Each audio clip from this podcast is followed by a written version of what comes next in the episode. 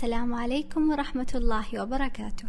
حياكم الله مستمعين الكرام في أولى حلقاتنا من جرعة صيدلانية. معكم في هذه الحلقة الصيدلانية أماني الخميس وأسمى الهطلاني. حلقتنا اليوم تحكي عن ذاك الشعور المزعج اللي ما سلم منه أغلبنا بعد ما يحط يده في الفطور ويأكل ما لذ وطاب بعد صيام ودوام وطبخ ونفخ بالمطبخ. تبدأ القصة بداية سعيدة مع الفطاير اللذيذة والسمبوسة المقرمشة وأنواع المشروبات الباردة والحارة وكل ما لذ وطاب من الأكل اللي يحبه قلبك. وتنتهي مع بالغ الأسف بحرقان وألم أعلى البطن ووسط الصدر وأحيانا يوصل للحلق ووقتها لا تسأل عن حجم المعاناة. أكيد كلكم عرفتم عن إيش بنتكلم اليوم. لذلك خلونا نبدأ كلام عن حموضة المعدة أو الحرقان مثل ما يسميه البعض. طيب وشو الحرقان؟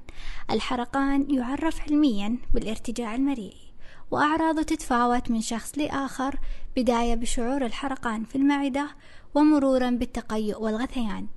ألم في الحلق وصعوبة في البلع آلام في الصدر ومذاق مرير في الفم. وفي حالات يفقد فيها من يعاني من حموضة بعضا من وزنه بسبب تقليل الأكل وأيضا في حالات يعاني أصحابها من الانتفاخ أو الربو. والسبب وراء كل هذه الأعراض هو حمض البيبسين ما له دخل بالبيبسي والسالفة تشابه أسماء. حمض البيبسين مفيد جدا داخل المعدة لكنه يسبب مشكلة لما يطلع من مكانه الطبيعي فيها ويوصل إلى المريء. ولو كنت تسأل نفسك ليش وصل للمريء فاسمح لي أقول لك إنه ممكن يوصل للمريء لعدة أسباب مرتبطة بنوع أكلك وعاداتك اليومية اللي منها النوم بعد الأكل مباشرة تناول وجبات ثقيلة الضغط النفسي والتوتر وكذلك تناول الأطعمة المليانة بالتوابل أو الدهون وأيضا الكاكاو والفواكه من فئة الحمضيات والطماطم والنعناع والثوم والبصل.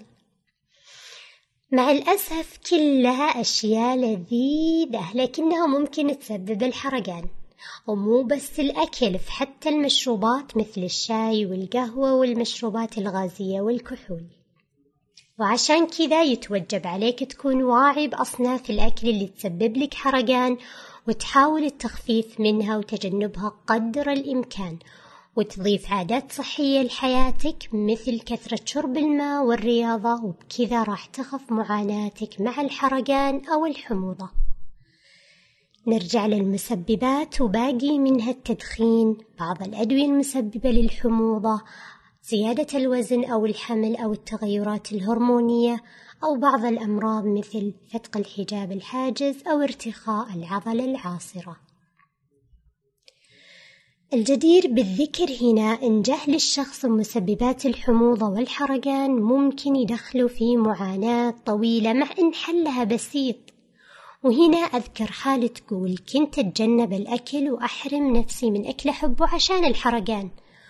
وفي أوقات كنت أضعف قدام بعض الوجبات وآكل منها لكني أتعب بعدها ويتعكر مزاجي وتنقلب المتعة العذاب بسبب الحرقان.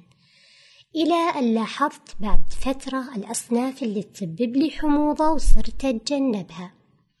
كذلك عدلت بعض العادات مثل كثرة شرب القهوة واعتمدت على وجبات صغيرة كل ساعتين خلال اليوم وكثرت من شرب الماء وبعدها خفت الأعراض وتحسن وضعي كثير الحمد لله.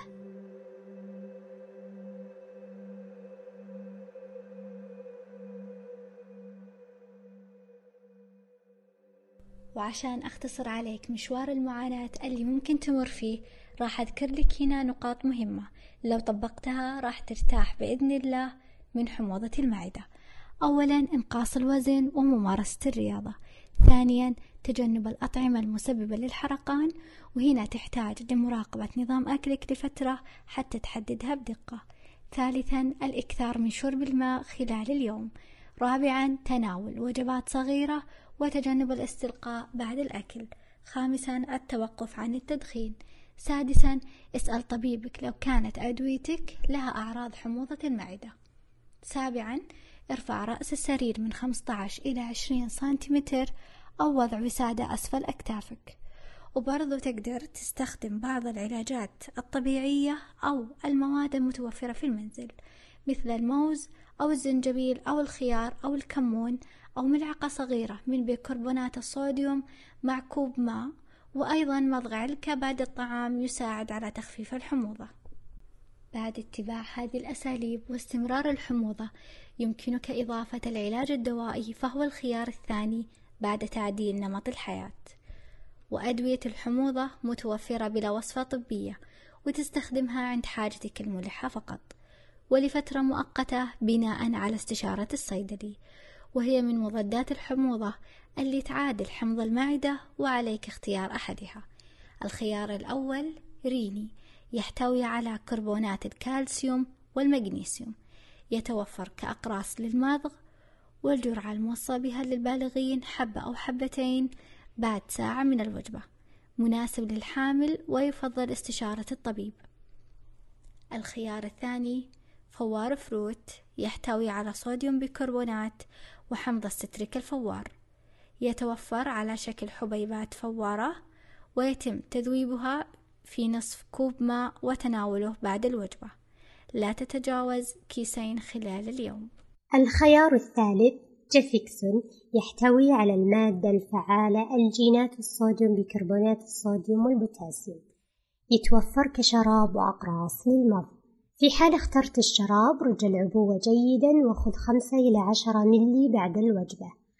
أما إن اخترت الحبوب خذ حبتين مع كوب ماء بعد الوجبة. الخيار الرابع تمز يحتوي على المادة الفعالة كربونات الكالسيوم يتوفر كأقراص للمضغ خذ حبة أو حبتين بعد الوجبة مناسب للحامل ويفضل استشارة الطبيب الجرعة الموصى بها لها حبة على معدة فارغة أو بعد الأكل عند الحاجة. الخيار الخامس مكساد يحتوي على المادة الفعالة هيدروكسيد الألومنيوم والمغنيسيوم.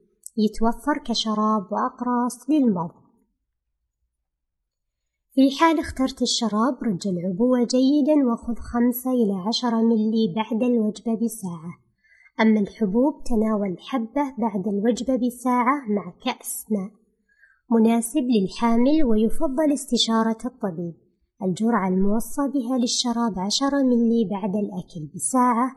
أما الحبوب حبة بعد الأكل وقبل النوم. كل هذه الأدوية ممكن تسبب أحيانا بعض الأعراض الجانبية كالإمساك أو الإسهال أو المغص بالبطن فلا تشيل هم عشانها.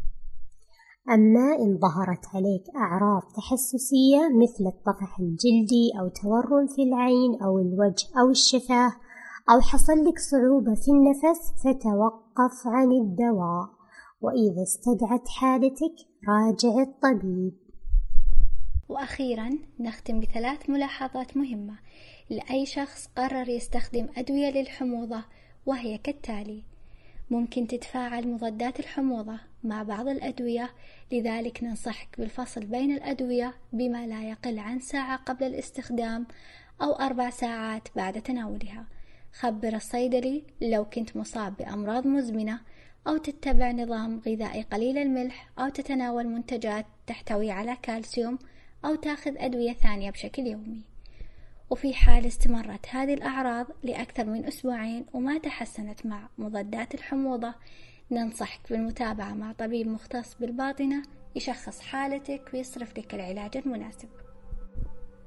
وقبل ما نودعك عزيزنا المستمع نتمنى أنك تشارك هذه الحلقة مع أهلك وأصدقائك عشان تساعدهم وتريحهم من حموضة المعدة. فالدواء الآن بين يديك.